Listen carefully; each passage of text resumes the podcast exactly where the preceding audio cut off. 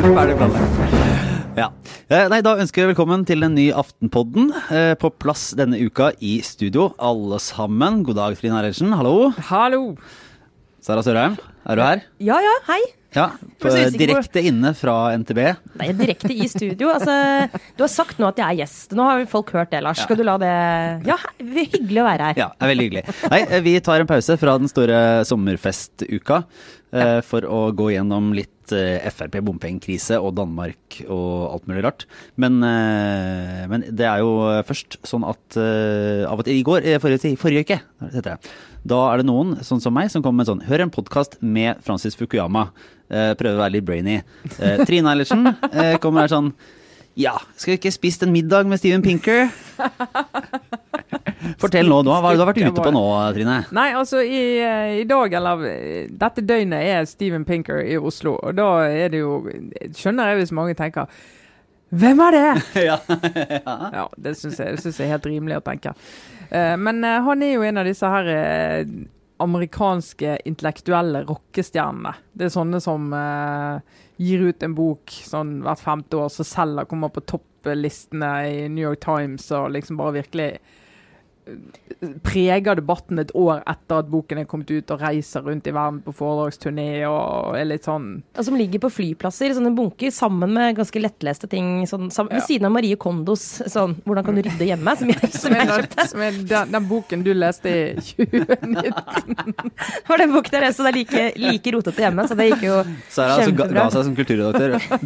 Dreit i all litteratur. Nå er- skal ikke lese en bok resten av livet. Da folk spør meg hva er den egentlige grunnen til at du slutta som kulturredaktør, så er det sånn for, for å kunne slippe å lese bøker. Få så mye bøker i posten.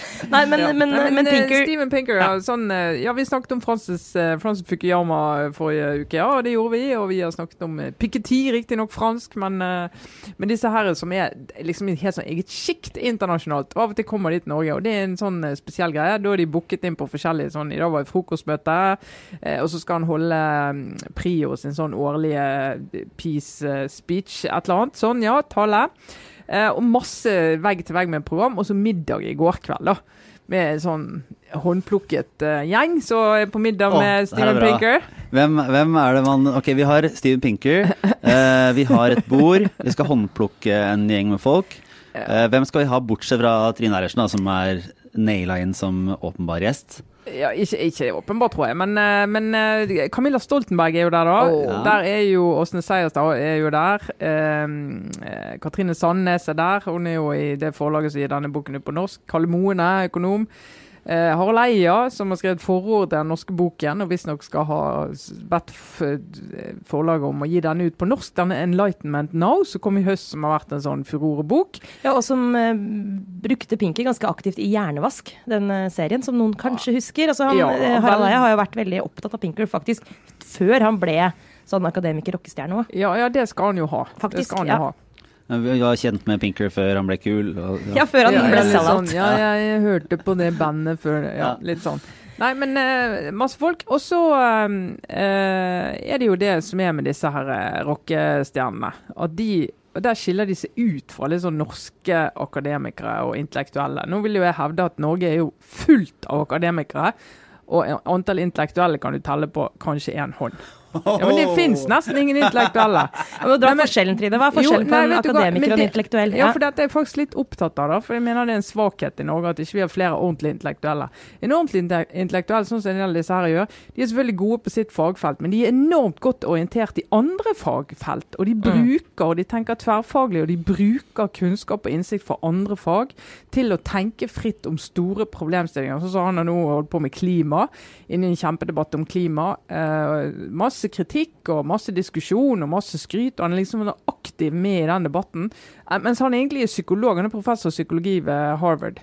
Uh, og, del, altså Hvis du er akademiker, så er du kjempegod på et område. Kanskje en av de beste i verden, og i hvert fall i landet, uh, på et område. Men det er også det du er god på. Og, da, det, er veldig, og det syns jeg er så sjelden at sånne norske intellektuelle som løfter blikket ut av sitt eget fag, henter ting fra andre fag, og liksom virkelig er sånn, kommer med nye tanker og litt sånn tenker jøss. Det, Men det, der, det, er det- var en ny måte å se Ja, verden på. Men er det, er det et spørsmål, altså er det for mye ydmykhet, eller tenker du at det er mangel på nysgjerrighet? For det høres jo litt ut som de, de, de ja, nå holdt jeg på å si gutta, for det høres veldig sånn uh, Det guttete ut, som er sånn eh, Ja, jeg driver nå egentlig med psykologi, men jeg kan jo like gjerne mene noe om eh, klima og et eller annet Ja, men, annet. ja, men ikke menom. De setter seg jo inn i Ja. ting, da. Eh, men, men eh, og det og sånn historie er jo sånn åpenbart. Alle disse her kan sin historie. Fukuyama. sånn at Du kan liksom skrive Når du skriver en bok, så drar du noen historiske linjer som liksom bare er sånn mind-blowing. Er det mulig? Eh, altså, du har en sånn nøkkelfag som gjør at du kan fortelle historie om nesten hva som helst. Eh, og jeg skulle ønske at vi hadde flere i Norge. Men, men det som er en av grunnene til dette, er at de amerikanske universitetene de er de beste i verden. Altså det, det er ingen i nærheten. Så du har en konkurranse på de universitetene som gjør at du trekker til deg den beste hjernekraften i, i verden. Så hvis du skal hevde det der, så må du ta et valg. Altså, det, det, Mm. det går jo faktisk ikke an å si at eh, nei, nå skal jeg få masse barn, og jeg skal gå og hente i barnehagen halv fire, og jeg skal trene fotballaget på kveld. og Det går ikke. sant? Så det er en livsstil. De er, liksom, de er denne personen. De er disse tankene og disse ideene. og Det er en helt egen måte å være eh, tenkende menneske på enn de fleste av oss er borti til det vanlige. Men- Helt åpenbart, men du må jo sikkert eh, tenke, ha litt med kultur å gjøre òg. Altså, hvilken kultur du har på disse universitetene. eh, Og, og hvor, liksom, hvor stor grad blir det feira sånn veldig tydelig faglighet. Da. I Norge for eksempel, er det veldig veldig viktig å publisere i fagtidsskrifter. ikke Sant? Det får de poeng for og sånn. Men det er jo i hele verden. Ja, men poenget er at det er, jeg tror ikke det er eh, like verdsatt å ha en kronikk på trykk i Aftenposten. Jeg kan jo for så vidt forstå hvorfor, altså, for det er selvfølgelig den faglige publiseringen som skal og bør være høyest oppe. Men hele den ideen om at du også har et formidlingsansvar eh, som forsker, og hele, også den kulturen bygget på å være en god retoriker. Altså, I amerikansk skolesystem så er, liksom det, er retorikk er et fag. Og det å kunne snakke, det å kunne fortelle en historie, alt det der. Ofte så latterliggjør jeg litt sånn det er opphenget vi kan ha i å fortelle en historie. Noen ganger tenker jeg sånn, bare, bare si faktaene. Orker ikke mer historiefortelling. Men akkurat når det gjelder den øvelsen som Pinker og Fukuyama og disse gutta, for det er som regel gutter, eh, driver i, så er det der historiefortellingsgenet de har. Det er jo helt avgjørende. Det hjelper ikke hvor klokt de tenker hvis ikke de får det ut. Og det er en sånn, og der er det veldig veldig få i Norge. Jeg kommer nesten ikke på Ja, noen. ja og det, det er jo sant. Det er det, for det er disse to markørene. vil jeg si. Det ene er jo det at de er, opererer utenfor sitt eget fagfelt, er, sitt eget fagfelt, og det andre er jo formidlingsevne. Og vilje og glede, som er fantastisk. Bare først, kan jeg ta en liten, eh, Hvis du tar en sånn eh, 30 sekunders eh, oppsummering av den eh, boka som kan Å, ja, det var da det, ja. ut- Bare for å- tilfelle ikke alle har lest den, da. Eh, kan vi, går det an å si noe om hva han driver med nå? Hva er han, eh, Ja, altså? Enlightenment uh, Now, som kom i høst, uh, den uh, bygger på en bok som han ga ut for noen år siden, som jeg ikke kommer på tittel på. Det gjør jeg ikke. Men denne her boken her er egentlig en sånn Han Altså opplysningstid. Han snakker om hvor viktig opplysningstidens logikk Altså det at du hele tiden som menneske Du bruker vitenskap, du rasjonal, rasjonelle, stiller rasjonelle spørsmål, prøver å finne ut hvorfor ting skjer. Prøver å utvikle og hele tiden gå videre, videre, videre. Eh, og egentlig grunnhypotesen, eller grunnbudskapet hans, er at det går mye bedre i verden enn det vi tror. Han bruker masse grafer, masse plass på å vise alt som går bedre. Sånn færre fattige, eh, færre blir drept. Eh, mordraten nå i verden, eh, antall konflikter alt, det, det er ingenting sammenlignet med sånn det var før. Eh, kvinners frigjøring, slaveri er borte. altså masse sånn. Og Litt av poenget hans er at vi skal snakke om f.eks. klima eller andre utfordringer. da. Så Hvis du aldri kan sette pris på at vi har fått til mye før, og at liksom vi har en utvikling i samfunnet som tar utgangspunkt i at mennesker er rasjonelle, tenkende mennesker som vil dra ting videre, så klarer vi ikke å løse problemer nå.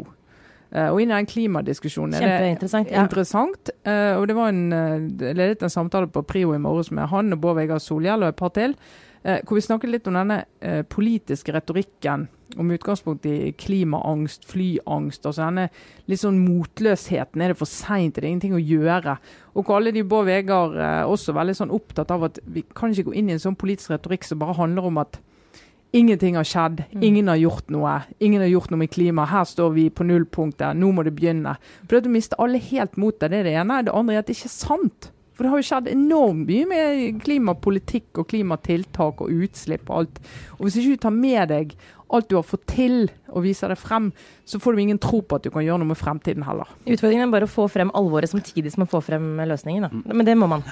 Men og når eh, skal eh, Bare kjapp eh, liten bit på. Hvordan, er, hvordan gikk det med dette middagsselskapet? Middagsselskapet. Jo, altså da fikk jeg sitte ved siden av Karl Moene, herlig samfunnsøkonom fra Universitetet i Oslo, men født og oppvokst i Bergen Ja, du skal sentrum. akkurat si det. Ja. Og, født og oppvokst og uh, for alltid dyppa i bergensgryta. Ja, det, ja, det må jeg si. Og det, men det komplimenterer jeg med hver gang jeg treffer ham. Skulle ikke tro du hadde bodd et minutt utenfor Oscars gate. Eh, men han er jo alltid interessant å snakke med. Han leder jo dette her eh, Center of Excellence altså på universitetet. De driver med ulikhetsforskning og den nordiske modellen, egentlig. Eh, norske modellen, nordiske modellen, velferdsmodellen. Eh, og han snakker veldig interessant. Så satt med Harald Eia, som jo eh, er en eh, pinker eh, Hva skal jeg si? Pinkerianer.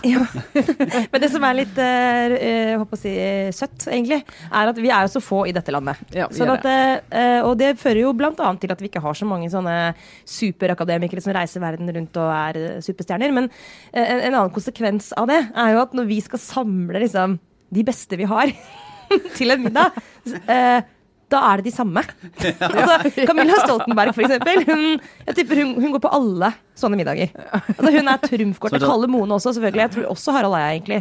Eneste er rart at det ikke Finn Skårderud var på den middagen. Det syns jeg faktisk er merkelig. Ja, det, det stusser jeg på. det kan godt hende det var et uhell. Hva vet jeg. Og så er det jo litt eh, gøy, fordi du nevnte det så vidt innledningsvis, Lars, men vi er jo i, i midt i junistria. Og for oss som holder på i skjæringspunktet, liksom eh, journalistikk, de, og politikk, og organisasjonsliv Altså I dette herlige Bermudatriangelet så er det jo også veldig mange sommerfester i tillegg til alle disse som skoleavslutningene. Og det samme skjer jo der. altså Det er sommerfester. Civita hadde fest, eh, Agenda har fest denne uka. Samme menneskene. Altså, uansett hvem som arrangerer sommerfest i dette miljøet, så det er de samme som kommer på alle sommerfestene. Det er ikke som at Civita har sin egen gjeng Nei. med borgerlig orienterte sommerfestgjester, og at Agenda har sin gjeng. Altså Kristin Clemet er Eller- møtt på Agendafesten, og omvendt. Ja, altså, det, er, det er i hvert fall en veldig stor Hvis du teller hva heter sånne diagram, så er det det, der, det overlappende feltet er Ja, det er veldig stort. Venn- Venn-diagrammet. Ja, Ja. Venn-diagrammet. Da er det et sånt kjempeområde som er, er begge. Og så er det noen sånn Eller litt flere eh, eh, Litt flere sånne raddiser på agenda, og enda litt mer dress på Civita. Civita-arrangementet for øvrig, eh, hyggelig nok, hadde da et stort sånn uteområde. Eh, Og denne, denne i år så var det så strengt på hvor mange som kunne gå opp på Ja. den terrassen at det ble sånn kø, så alle måtte ta et sånn ordentlig valg. Skal man gå ned og gå på do, så må man vente i kanskje en halvtime på å komme seg opp igjen. Uh, og det, det, var sånn, det var mange som sto liksom kryssa bein oppå terrassen der. Og, Det er snakk om ilandsproblemer på et Ja. nivå som kanskje ikke har vært hørt før. Men, men her, jeg, kan jo jeg går jo ikke på disse sommerfestene. Det er jo, Av prinsipp, eh, sånn som nei, Jens Kiel? Nei, det er ikke prinsipp. Jeg har ikke et liv som er kompatibelt med sånne sommerfester. Det går ikke. Så Mm. jeg er i juni. Hyggelig at du kom, hyggelig at du drar. Det er liksom, Jeg kommer ikke med. Jeg skal på sommerfest med jobben neste torsdag, det vil jeg få med meg. Men sommerfesten har jo, fordi det er jo gøy å snakke om det, men det er jo også for en grunn. Altså, de har jo fått et helt annet hva skal vi si, preg eh, etter diverse eh, litt sånn halvskandaløse, i hvert fall presseoppslag. da. Ikke i virkeligheten, egentlig. Kjedelig, mange av de festene som har vært skrevet om. Men det har jo vært mye fokus, som det heter, på om å- journalister kan gå på sånne type sommerfester, og hva som egentlig skjer på de sommerfestene. Eh, og noen, sånn som da nevnte eh, kollega og friend of the pod, Jens Kiel, eller Kiel? Jeg sier alltid feil. Kiel, takk. I Bergens Tidende, kommentator. Han skrev eh, veldig tydelig på Facebook eh, for et par uker siden at i år går jeg ikke på noen sommerfester. Av prinsipp. Ja, flaks da hadde flytta til Bergen. Ja, så det. jeg si det sånn. Eller er det fordi det tar sju timer med tog å komme seg dit? Men, men uansett, det går an å ta den innstillingen.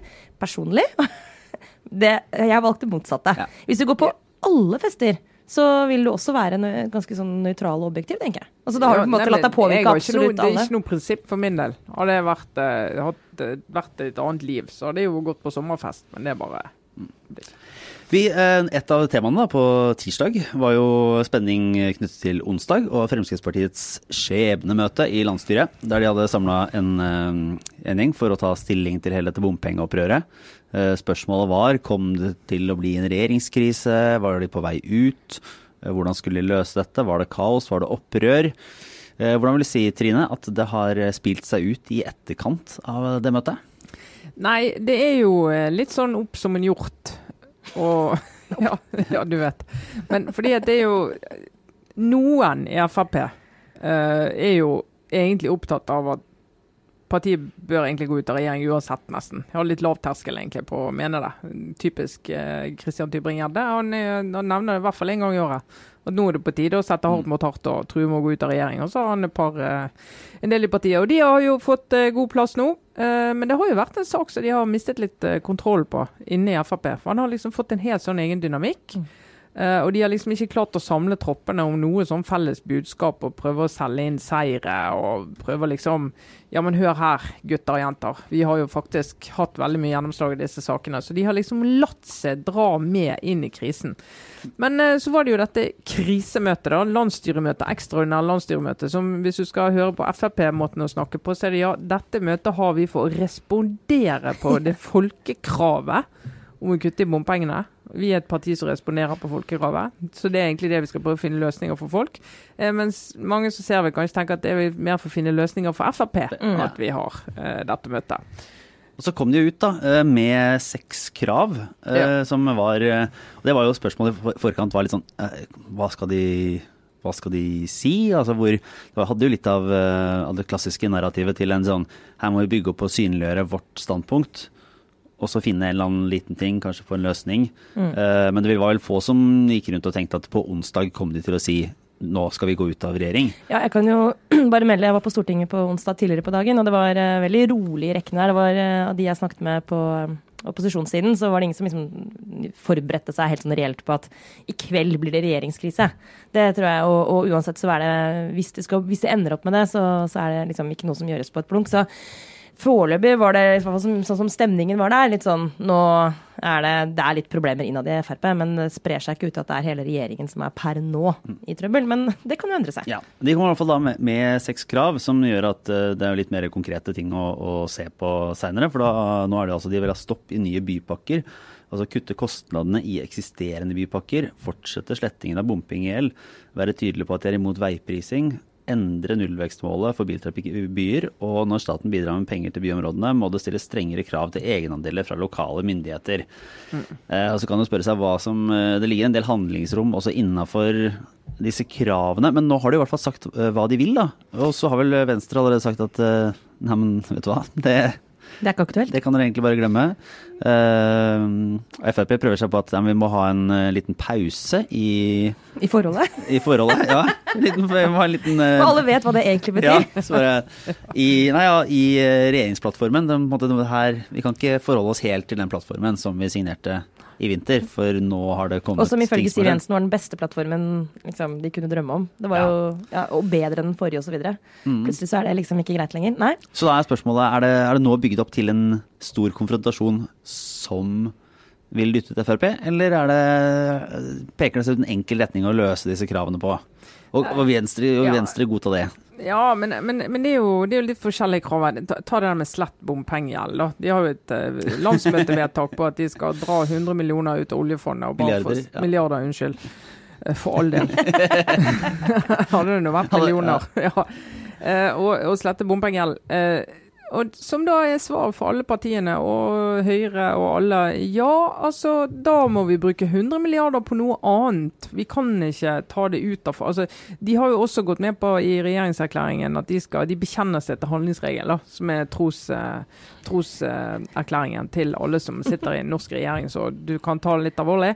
Så de bekjenner seg til handlingsregelen, og da er det, det, det, det, er ikke tenkbart. Så den saken der er litt sånn ja, Du kan liksom ta noen millioner. De tok jo bare 200 millioner nå på revidert. Mm. Uh, det er jo ikke i nærheten av 100 milliarder, men det er nå litt. Uh, men, det, men det bare virker jo puslete. For det er jo det som er faren når du kommer med den type krav. Så legger du listen så høyt, og du, ja, partier presser seg sjøl inn i et hjørne. Jeg vil si presser seg sjøl, for det er ingen andre som har pushet de inn der. Uh, og når de da kommer med den der eh, stopp med byvekstavtale, de har jo snakket om her før, det er jo disse samferdsels- slash klima slash eh. For det er hvordan skal vi håndtere at vi blir flere? Hvordan skal vi håndtere at det er flere som trenger transport? Vi kan ikke bare bygge veier. Vi er nødt til å ha midler til å frakte folk kollektivt, til sykkelstier, til gangsti. Eh, Dette må vi se i sammenheng. Så det er egentlig en sånn veldig eh, sinnrik pakke som gjør at Venstre og KrF og Frp kan sitte sammen og styre på en klimapolitikk og samferdselspolitikk. Hvis du begynner å nappe ut i det der og si at vi skal ikke bruke penger på sykkel, ikke på kollektiv, da er det ikke mer igjen. Sant? Så det er noe med altså disse kravene her, hvis du virkelig går inn i det, så er det ikke regjeringsavtale igjen. Men er ikke det helt useriøst da å gå ut med en sånn kravsliste som er altså, hvorfor, er, det, er det bare boksing i lufta? Er det retorikk? Er det, er det, ingen reell, er det ikke noe realpolitikk i dette? Altså, Ingenting av dette kan er mulig å se for seg at de kan få gjennomslag for? Er, er det egentlig litt det du sier? Ikke blank, ikke som et blankt krav. Nei. Det kan ikke jeg se for meg. Men det, kan de gå inn og tvike litt og si at vi skal raskere ditt og raskere datt og innføre sånn tidligere. Det kan godt hende de gjør det. Men, det. men poenget er jo at i en annen situasjon så kunne det kanskje vært noe de kunne gått ut til velgerne og sagt se hva vi fikk til. Men nå har de for det første har de jo sagt for lenge siden at vi er kjempefornøyd med gjennomslaget vårt på samferdsel. Det er faktisk sak nummer én for oss, det. Eh, be, når innvandring ikke opptar oss veldig mange, så er det liksom dette er sak nummer én. Veldig fornøyd. Regjeringserklæringen er helt topp. Supergjennomslag på bompenger. Senest på landsmøtet. Kjempehappy med det de hadde fått til på bompenger i revidert. Og nå skal de si eh, til de samme velgerne at Nei, det er helt krise. Det er så krise at du må faktisk gå ut. Og det har ikke skjedd noe i realiteten siden det, bortsett fra at bompengepartiet vokser. Sånn. Så det, det fremstår jo panisk. Ja, fryktelig måling det hadde her i uka, da. Ja, det er grusom måling. Det er grusom måling. Og det er jo, altså det er jo litt sånn uh, Derfor når jeg skrev om det i dag, så tenker jeg nå er Frp Deres største frykt var å gå i SV-feller. Mm.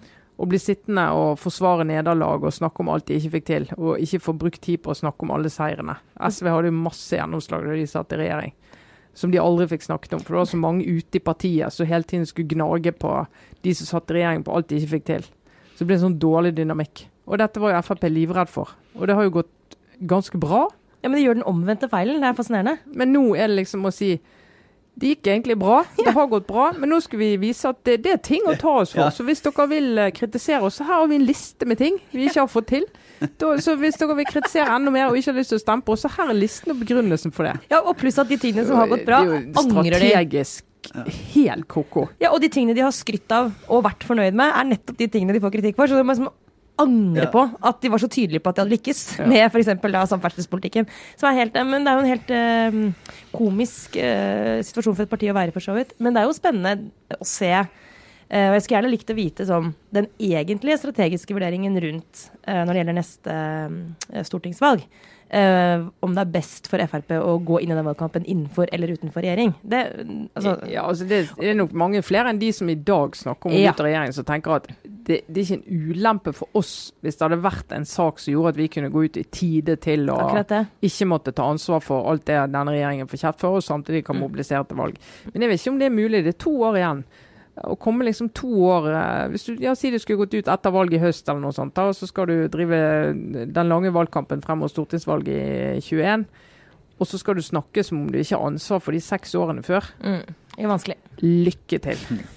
Eh, helt på toppen, Den eh, beste bompengesaken denne uka her var den som Dagsavisen hadde, som også ble en stor sak på onsdag. Om han stakkars fyren på Torshov i Oslo som hadde fått en sånn bom eh, plassert. Det er jo helt absurd historie. Han måtte gjennom den flere ganger? nei, nei, det var ikke det. Han var- Det var bare Han satt på terrassen, så var den sånn Den bommen var Stemmer det. 50 cm fra Balkongen fra hans. balkongen man Som var rett på to dagers varsel, så et eller annet. Det var jo mange ting fram og tilbake, men det var den derre å våkne opp en dag, og så plutselig så Hæ, var den der da jeg la meg? Og hadde noen tenkt å spørre? Nei, nei, Ja. ikke spørre. Nei. Men jeg er veldig, så nå skal vi videre til Men vi skal vel til Danmark, Lars. Men bare Ja. som en sånn, kanskje ikke engang en overgang, men denne miljø... Altså Miljøpartiene gjør det parallelt også veldig bra, eh, både i Norge og andre steder. Eh, samtidig som du får disse her bompengeaktige aksjonene. Så det er fascinerende politisk eh, tid med my mye som skjer på en gang. Eh, men akkurat hvordan denne bompengeringen kommer til å slå ut i Oslo, er jeg altså så nysgjerrig på. Det er ikke gitt. Altså, og kanskje resultatet blir at både MDG og liksom Nei til bompengepartiet begge vinner på den saken. Fordi enten så er du for, eller så er du imot, og da er du uansett en av de to du går til. Ikke sant? Men det blir eh, Det, blir, det, det, det er sånn Jeg kan, jeg kan noen ganger tenke på sånn Åh, det er jeg spent på. Du kan gå og glede deg til en meningsmåling. Ja, Ja. men er det, jo, det er jo interessant, og det er jo lett å glemme. da. F.eks. i Bergen så er det jo greit nok at Frp har eh, tapt eh, velgere til bompengepartiet. Men Høyre og Arbeiderpartiet har jo virkelig tapt stemmer til bompengepartiet. sant? Sånn at de er jo inne nå og viser flere enn bompenge-Frp at de er misfornøyde. Hvem skulle trodd, ass? Det var bompenger som skulle komme og liksom bare rocke om på hele huset. Herlighet. Ja, OK. Ja, yes. Uh, I Danmark har det vært valg, og det ser ut til å bli regjeringsskifte. Eh, Sosialdemokratene gjorde ikke noe supervalg akkurat, gikk ørlite grann tilbake. Ja. Tror du vi klarer å gå gjennom denne biten av sendingen uten å telle dansk? det, det var så sykt fristende. Du, før vi går og snakker over resultatene, bare nevne, bare som en oppfordring, fordi uh, jeg skulle egentlig vært en liten tur i København nå, faktisk, men det ble avlyst fordi det var Helsingfors. Helsingfors København. Nei, men det ble avlyst pga. Av, eh, sommeravslutning i barnehagen, faktisk. Ja. Så sånn er Det det er, derfor, det er derfor Men- du ikke er en internasjonalt ledende intellektuell, Sara Sørheim. Exactly. Det er heller ikke jeg må understreke. Kun en barnehage som står mellom meg og lokalt ledende. Da snakker vi på badet hjemme. Men fordi, eh, selvfølgelig først og fremst for å være til stede i noen redaksjoner og se hvordan de dekker valget, men også fordi at valget i Danmark Så her er bare en sånn Altså den festen som er på Borgen, altså på, i, i, på Hva heter det? Kristiansborg. Nå er vi i gang. Nå er vi i gang. Vet, dette vet dere kanskje, men altså det er jo sånn at selve valgnatta så er jo alle partiene til stede i eh, Ja. Hva heter det? Unnskyld meg, Charlotte Christian Nei, altså Borgen. Ja. Stortinget. I Danmark. Fantastisk TV-serie. eh, Stort bygg. Ja, men Jeg sliter veldig med å skille virkelighet og fantasi fra hverandre i dansk politikk pga. den TV-serien Borgen. Fortsatt. Men det er mitt problem. Uansett, da. Det er åpne barer overalt. Det er stappfullt av folk, og det er journalister, det er politikere, det er alt vi elsker. Det er helt ekstremt mye samrøre, det er jeg helt sikker på. Men alle partiene har sine vaker der, og alle serverer alkohol i et eh, hakk kjør. Og det er rett og slett, eh, ifølge mine kollegaer som har, har dekket det, helt sånn, det er en vanvittig gøy fest. Det høres ut som en drøm. For meg, det er min drøm fra Disneyland. Dette er alt jeg ønsker meg av en fest. Kombinasjon av samrøre, valg og alkohol. Det er jo det er de tre tingene som er gøyest av alt. Så, Definisjon på fest. ja, så det, det var bare en liten sånn Før vi skal selvfølgelig inn i tallene her, men kunne vi fått til noe sånt her? Er det mulig å tenke seg? Er Stortinget stort nok? Bare for å ta det viktigste. det viktigste. En oppfordring. Viktigste læringen fra Danmark. Learning, som det heter på le- Det var en viktig learning som Hva heter på er det viktigste takeaway herfra? Nei, hva det heter Key takeaway. heter det. Key takeaway. Få gjort dette her. Det er, hvor lenge er det til 2021? Det er to, drøye to år. Bør være mulig å få til. Få satt det opp i, i vandrehallen. Og Vandrehallen? nedi Ja, ja, det burde, burde kunne gå. Det er jo en praksis i en bar i Vandrehallen. Han står klar. Ja. Eh, Nei, altså Danmark, herregud, de får ny statsminister. Mette Fredriksen. Sosial... Vet du, det er nesten umulig å liksom med det. Altså, du Ja. jeg, jeg skal ikke si noe på tulledansk resten av sendingen, jeg lover, selv om det er fristende. Jeg er mystisk med det språket. Mette Ja. Fredriksen, leder av Sosialdemokratene i Danmark, har liksom eh, fosset frem på målinger og fornyet danske sosialdemokratiet.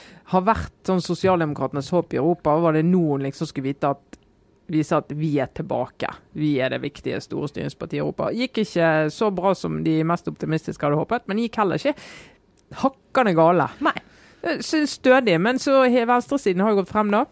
Så det blir jo regjeringsskifte solid frem, og det har også Lars Løkke Rasmussens parti. Rart nok. Venstre, som egentlig er Høyre. Venstre som er, ja, Når vi begynner med navnet på de danske partiene, Vet du hva, jeg da blir må- det krøll. Du, Da snakket blir det krøll. å, ja, vi snakket om å ta et valg altså, man, eh, tidligere. Altså, nå tror jeg vi må ta et valg om at det, jeg tror ikke vi, altså, vi begynner ikke engang på å forklare uh, eh, partiene i Danmark nå i denne sendingen. For da er det sånn Snakkes om en halvtime. Det er verdens det mest rotete. Unntatt stram kurs, må vi nevne. Vi, ja, altså, vi nevner, kommer til å nevne partiene ved navn, men vi kommer ikke til å forklare f.eks. radikale borgerlige, frisinna venstre eller hva de nå enhetslisten og Ja, radikale enhetslisten venstre. og og Og, venstre. ja, Ja. Gå på internett, finn ut av hvem de er, for det er helt umulig. Det er akkurat som halv og hel fjers. Ok, Ja. fortsett. Ja, nei, det, det var- det mest interessante er jo at, eh, at Dansk Folkeparti, som eh, Ok, får ta et par eh, her. Som er et Altså det er jo slags Frp, da. Ja. Det som er det klassiske høyre innvandrings... eh, eh, strenge partiet er jo mer enn halvert. Mer enn halvert. Og der har jo sosialdemokratene tatt velgere, for de har jo lagt seg til en streng Og så innvandringspolitikk. ikke bare så mer enn halvert, det er, mer, det er halvert fra 21 til eh, 9, eller Ja, sånt. ja, helt dramatisk. De er egentlig, det er helt katastrofe for de. Og ikke bare det, men de har jo fått det som Frp i Norge ikke har eh, vært plaget med. At det har dukket opp partier på utsiden til høyre for de som er innvandringsfunderte. Jo, det, har jo, eh, det har jo eh, disse, disse opplevd. Men det er jo parallelt, bortsett fra at i Norge var det ikke innvandring, men det er muligens bompenger. Ja, det er men det bompenger er jo litt som er den det samme partiet. tingen. Ja. Mm. Og det er jo eh, I Danmark har de jo en sperregrense på 2 Skrekk og gru. Ja, vet du hva, det må jeg bare si. Enig. Herlighet for et mareritt å Ja, for- ha det. For det betyr jo da at eh, veldig mange flere små partier kommer inn. eh, Ja. Og at eh, Sånn som han Stram Kurs, gamle advokaten, hva heter han for noe? Paludan. Paludan. Paludan, Som jo var Som jo har vært strammeste kursen av de stramme, som har markert seg ved å var det å rive opp koraner og kaste dem rundt og være, være sånn ordentlig bajas. Alle hjem. Ja. Ja, altså- Adopterte til og med, vel. Han har gått langt. Han har jo, altså Stram kurs er, det må jeg si, det er å strekke det begrepet ekstremt langt. Han er dømt for rasisme. Det sier jo ganske mye, for det sitter langt inne å bli både i Norge og Danmark. Men vi snakker en fyr som har en dom for, rasi og, og, eh, for rasistiske ytringer. Og det er eh, ganske tydelig på hjemmesiden til partiet at det er, eh, går langt i retning altså de, de mener at Danmark skal være for etniske dansker. Nei, det er helt utrolig. altså, det er et parti som, som i danske medier blir, har blitt omtalt som et nynazistisk, eller et parti med nynazistiske tendenser osv. Og, så videre. og de kommer jo, altså, Å få et sånt parti inn i et parlament i Skandinavia er jo helt, eh, det er egentlig helt forferdelig. Det, det er jo faktisk uh, mulig pga. den sperregrensen. Men, Men- nå, På målingene har de Ja. vært over eh, de 2 var- men de kom også ikke inn. nei, men det var ikke langt unna. Men uh, Mette Fredriksen har jo da fått uh, ros for å på en måte holde stand som sosialdemokratiske partiers store beskytter ved å legge innvandringspolitikken sin veldig til altså, klassiske høyre, altså i strengere retning. Eh, og så er vel det store spørsmålet nå om samarbeidspartiene på rød side gjør at det er å, eller gjør det mulig å opprettholde den linja som, eh, som Sosialdemokratene og Mette Fredriksen har villet. da. For, Ja, for de, er, de er jo ikke, de er jo mer liberale. Ja, de er jo langt mer liberale og har jo gått til valg på det. Altså, De er grønne, og de er innvandringsliberale. Eh, Så klima og innvandring. Eh, Så, så det er jo, og Mette Fredriksen har jo også sagt vi vil styre alene. Sant? I en mindretallsregjering som skal finne samarbeide. Må jo ha noen avtaler da, for at de ikke skal ryke ut første uken. Uh, Og må jo snakke med, de, med sine venner på venstresiden. Uh, Men de er jo veldig tydelige på som, uh, at vi må jo få noe igjen på våre sentrale områder. Og da kan hun jo selvfølgelig risikere at det som har gjort at hun har klart å For altså, Det sier jo Mette Fredriksen, hun lyktes ikke helt. Det ble ikke det gamle, store sosialdemokratiet. Men hvis hun ikke hadde gjort den politikkendringen, kan jo hende at det hadde vært hva vet jeg, 17 %-parti. Så det, alt det der, det kan du aldri vite. Det blir sånn Hva ville skjedd hvis? Ja, for du kan si at det, det å levere, det å stabilisere et sosialdemokratisk parti er kanskje den nye veksten, på en måte. Ja, Altså I flere land vil ja. jo det være en festdag, når du klarer det. Eh, Men, men så har jo han eh, Lars Løkke Rasmussen, eh, den nå avgåtte avgående statsministeren i Venstre, eller Høyre, unnskyld. Ja. I Venstre. Ja, ja, altså Venstre, konservative. altså ja. Han eh, har jo, kom jo i midten av valgkampen og sa vi skulle ikke bare samarbeidet vi da, på tvers. Ja, ikke bare på midt, i midten, helt nå på Ja, slutten. altså helt, Ut eh, av det blå, egentlig. Ja, og tatt en sånn For vi har jo noen elleville venner på begge sider, så vi skulle ikke bare sett om vi kunne finne noe fornuftig i midten. sant? Og det er jo eh, dette, spennende altså det er spennende hva som skjer hvis det blir helt sånn uregjerlig. Mm. Hvordan de dette det. er jo veldig interessant, fordi eh, nå blir det sannsynligvis altså Mest sannsynlig vil jo Mette Fredriksen klare å, å finne en slags eh, styringsplattform sammen med Rød blokk, som det heter i Danmark. Med noen støttepartier og noen Ja, altså hvordan det blir. Men det er jo ikke sånn at alle vil gå inn i regjering, sannsynligvis, som du var inne på, Trine, men, men forpliktende avtaler som gjør at hun kan få et flertall å, å regjere på. Så det er vel ikke så sannsynlig, så vidt jeg kan forstå, at det, eh, den derre sjarmoffensiven fra Løkke Rasmussen Nei, blir noe av. Men det er jo en løsning et for krise. Ja, og, også et- i Tyskland, der driver de jo med sånt. Jo, men Poenget er at nå er vi mye mye nærmere en sånn blokkoverskridende konstellasjon i veldig mange land. Altså, Sverige hadde jo veld, egentlig en litt lignende situasjon. Eh, Og det er jo en naturlig effekt kanskje av at vi får eh, en oppblomstring av partier ute på ytterkantene i veldig mange land, som skaper en helt sånn annen type et annet, altså, ellers er ustabilitet og eh, rokker ved den gamle høyre-venstre-aksen. Så, så, sånn sett så er det liksom interessant å se om dette blir den nye normalen. At de, at, at de må finne, finne hverandre på tvers av, av akkurat den klassiske uh, høyre-venstre-aksen. Hvis dynamikken ellers da er en slags polarisering, så er det vel lite som tyder på at det vil være en sånn langsiktig kjempegod Jo, jo, men, løsning. men, ikke det, vil, jo- Ja, men det er jo sosial- svaret. Men sosialdemokratene i Tyskland vil jo kanskje si at eh, de har holdt på med det lenge. Jobbe sammen med konservative Mm. og Angela Merkels gjeng. Og er vel, ja, de er jo godt solid plassert under 20% Nå gikk lederen av eh, SPD, sosialdemokratene i Tyskland, gikk av denne uken etter å ha bare ledet partiet en kort stund. stund. sekund. Ja. Så det er, det er ikke sånn, det ser ikke veldig lyst ut. Det er ikke sånn quick fix, det er mye oppslutning i hvert fall. Eh, vi går eh, videre inn i en runde obligatorisk refleksjon. Eh, Sara Sørheim, har du lyst til å sparke dette i gang? Hva er det du kommer Ja. til å reflektere over inn Nei. i den utrolig varme eh, sommertorsdagen? Ja, det er, jeg gleder meg til klokken blir tre, tror jeg det er. For på Yr skal temperaturen falle fra 29 til eh, sånn, Altså skal falle med ti grader til sånn 18 grader eller noe i løpet av én klokketime. Det har jeg tenkt å gå ut og oppleve, det tenker jeg, det, mens det skal være skybrudd og tornado. Da skal jeg sykle hjem akkurat da. Ja, det blir fint. Nei, du, vet vi kan egentlig ta utgangspunkt i altså Min lille refleksjon var egentlig som det ofte er, faktisk, må jeg innrømme. Litt sånn hvordan kvinner blir omtalt i offentligheten. Eh, glad, Trine, for at ikke du nevnte alderen til Mette Fredriksen når du, når du snakka om henne. Jeg vet ikke hvor gammel hun er. Nei, vet du, Det tror du må være den eneste politiske kommentatoren jeg har hørt på som ikke har sagt, og faktisk ikke engang vet, at hun er 41 år, og dermed blir Danmarks yngste statsminister. Oh, ja. uh, jeg sier 41 år, uh, altså jeg er yngre enn det, så jeg føler at 41 er veldig gammelt og voksent og ikke, null stress å være 41. Altså, du er jo ikke et barn da, men, men det, er, det, er, veldig mange, både på NRK eksempel, som har nevnt nå ut, utallige ganger at hun er 41 år. Bare jeg tenker, ja Mulig de ville sagt det hvis det var en mann nå, altså. Men det, det der at hun er ung kvinne, det tenker jeg er litt sånn Kanskje. Jeg skal ikke kjønne alt mulig, men jeg merket meg det. Jeg tror kanskje at, al at alder ikke ville vært så relevant uh, hvis det var en mannlig statsministerkandidat. Men det var egentlig bare en overgang til denne Berit Kjøll-saken. Den har dere kanskje ja, dere kan altså, den. Berit Kjøll uh, mot Ny, ny idrettspresident. Ja, ja. Uh, mot om ikke alle odds, så var ja. det i hvert fall uh, Styret ville egentlig ha en Sven Mollerklev, tidligere Røde Kors. Ja, han var innstilt av, av valgkomiteen som til å ta over som president i Idrettsforbundet. Og Tore Tvedt nå er det veldig viktig ikke blande de ulike ja. tvettene. Ja, det, det, det, det, er mange som heter Tvedt. Han er etter Tom. Ja, Du har Tom, Tore, Tore og Terje, men dette er Tom. For å ta det for alle. Dette var Tom, som er, var idrettspresident. Tore Tvedt er rasisten. Ja. Og Terje Tvedt er han bistandsforskeren, blant annet. Ja. Sorry, Tom. Tom Tvedt uh, har fått mange anklager mot seg, men han skal slippe å bli anklaget for å være en annen av Tvedtene. Han er uh, avgående idrettspresident. Nei, poenget er at uh, Berit Kjøll, som vi har omtalt, og mange andre aviser har omtalt, vant det valget overraskende på oppløpssiden med to stemmers overvekt mot eh, Molleklau, som da var valgkomiteens favoritt og innstilt til stor jubel. Og eh, det var ganske gøy å se de bildene fra idrettstinget, for hun jubla altså så uhemma over den seieren. Altså Hun strakk armene over hodet og hoppa opp og ned og ropte 'Jeg vant! Jeg vant! Jeg vant!' jeg vant! Uh, og løp opp til podiet og sto der og tok imot jubelen. Og egentlig bare sånn, Det var på en måte ikke så mye altså det, var, ekte, helt overbevist om, ekte glede og begeistring. Kanskje ikke så mye verdighet i den uh, Og heller ikke noe sjenanse. Ingen sjenanse.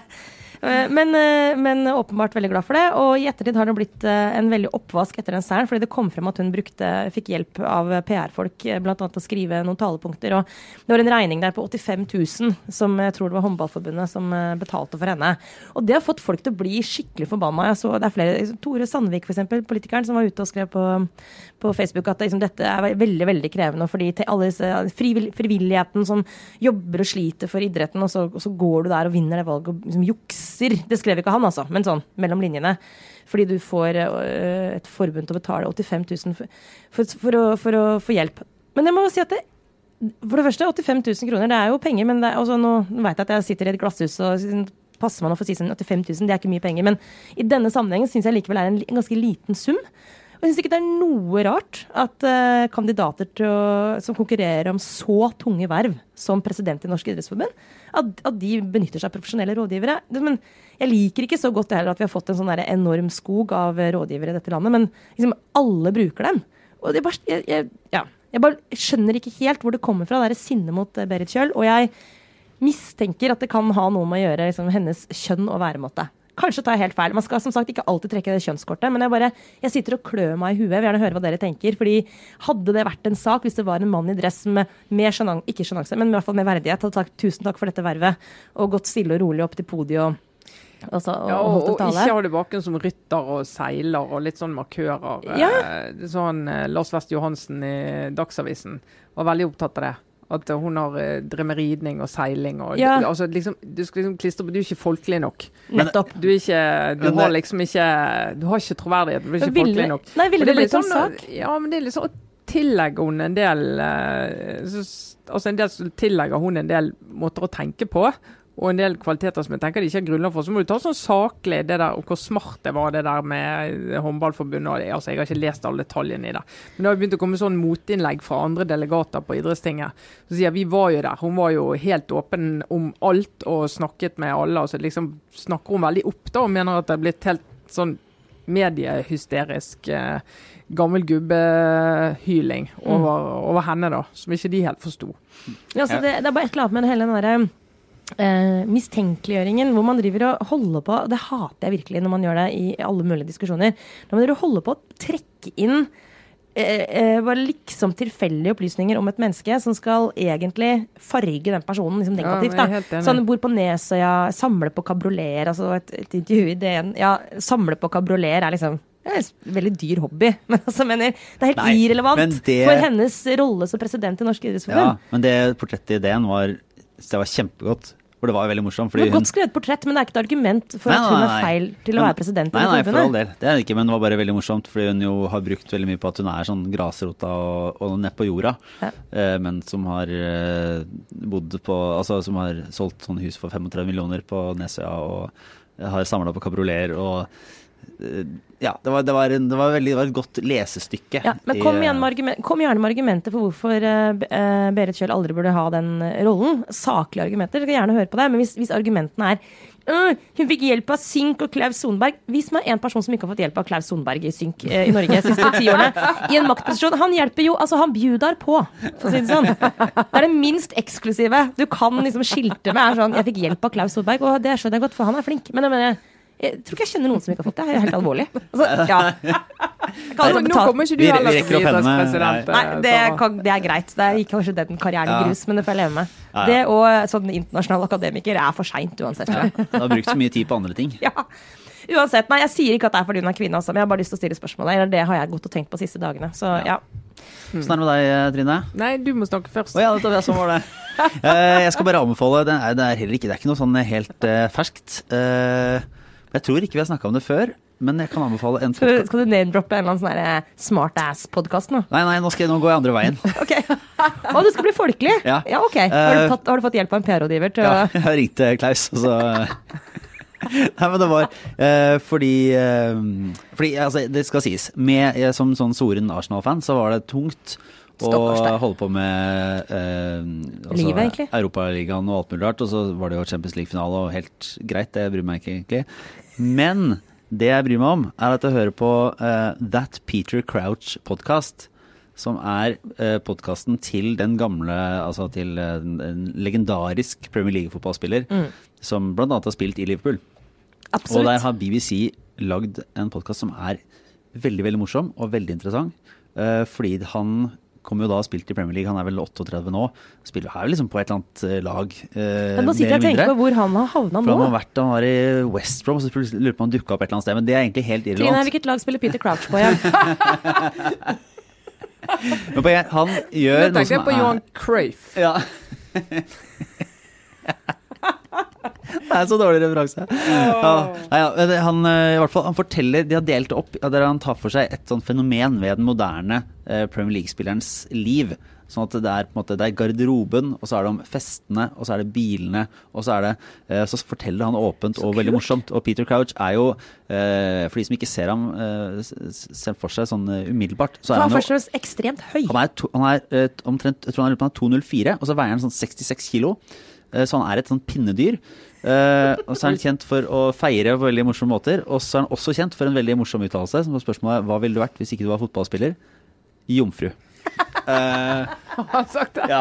Og eh, det tar han med seg inn i denne That Peter Crouch-podkast. Som eh, De har lagd ganske mange episoder, og de er fornøyelige, eh, alle som en. Så det, Det kan skal, jeg anbefale. det skal, jeg skal høre på med en gang Ja. for Ja, sjansen. Hvis du, hvis du ikke kom helt gjennom Fukuyama forrige uke, så kan du gå en annen retning denne uka her. Han spiller for øvrig på Burnley og har hatt en litt fallende kurve bare fra Liverpool. Selvfølgelig høydepunktet i hans karriere via Portsmouth, Tottenham, Stoke og nå Burnley. Ja. Så ja, fra 2019. Men, eh, men Burnley altså ikke helt fint lag. Ja. Peter Crouch, bra mann. Nei, i går- gikk jeg forbi pulten til Lars, og så satt han og redigerte en sak, og så sa han sier jeg, hva er det du driver med? Uh, så, nei, jeg redigerer morgendagens leservinner, sa han. Uh, og så kikket jeg, og der var det jo et bilde av Kristine Christine Koht. Det er en oppsiktsvekkende sak. Ja. Helt ekstremt spesielt. Eh, bilde av Kristine Koht. Eh, av, eh, hun har jo gått på tung kortsonbehandling i forbindelse med sin kreftsykdom. Vi har jo denne podkasten om, om henne. Og jeg, jeg, pleier, det skal jeg innrømme, jeg er ikke alltid så veldig sånn opptatt av å lese sånn kreft og sykdom og alt. Jeg, for jeg begynner å komme i en alder. Jeg har egentlig aldri vært det, da, men altså, det, er ikke, det er ikke helt min ting. Men denne saken er jo umulig å gå forbi. For det det handler om, er jo at hun har vært gjennom denne behandlingen, har fått veldig store fysiske utslag. For det gjør det på folk som går på sånn eh, behandling som det. Eh, Og har bestemt seg for å gå ut, ikke skamme seg, vise seg frem. Og av og til så tenker jeg en del eh, kjendiser som holder på med sine problemer og alt for å dempe skammen og alt det. Så for en del så er det jo åpenbart lanseringsknaggen som gjør at de tenker at eh, nei, jeg skulle ikke bare fortalt om et sammenbrudd, da. Så få litt eh, få noen oppslag i alle Norges eh, Ja. Magasiner. Eh, Men jeg tenker jo det hun gjør nå som er Hun står midt i det eh, og forteller om eh, sin sykdom. eh, og hun vet jo egentlig ikke hva som skjer uke for uke, men har liksom inngått et sånt løfte med et ganske stort publikum og sagt at hun skal være åpen om det, eh, med alle omkostningene dette har. Eh, for det hun forteller i den saken der, om at det er mange som bare sitter inne når de eh, får disse bivirkningene, aldri går ut. Kanskje hun sier det kan vare i to år. Går ingen steder og snakker så utrolig godt om det. Det er en utrolig fin liten sak og et fint intervju med Joakim Førsund eh, som, som lager dette. Eh, Der han spør om veldig sånn Ja, men, men blir du ikke sjokkert sjøl? Jo, jeg, blir- jeg syns det er sjokkerende å se meg i speilet. og Du, hvis du angrer på det, så bruker du ikke disse bildene. Jeg skjønner hvis du gjør det. Kan ikke du tenke litt på det? Nei, ja, bestemmer. Det er en utrolig fin samtale mellom de, da. Eh, Så nå, eh, Hvis jeg ser på lesetallet, så ser jeg at det er ganske mange som har oppdaget den saken. Men hvis ikke du har lest den, så ville jeg faktisk gjort det. Jeg ble, jeg ble varm Mm. inni meg av å lese den saken. Utrolig fint sitat når hun sier noe sånt som på husken. Som at, ja, at hun, altså hun sier at hun er for syk til å stå på scenen. Hun er for syk til å liksom gjøre det hun pleier å gjøre når hun har en historie å fortelle. Det er akkurat det lille hun orker, er kanskje å gå ut av huset.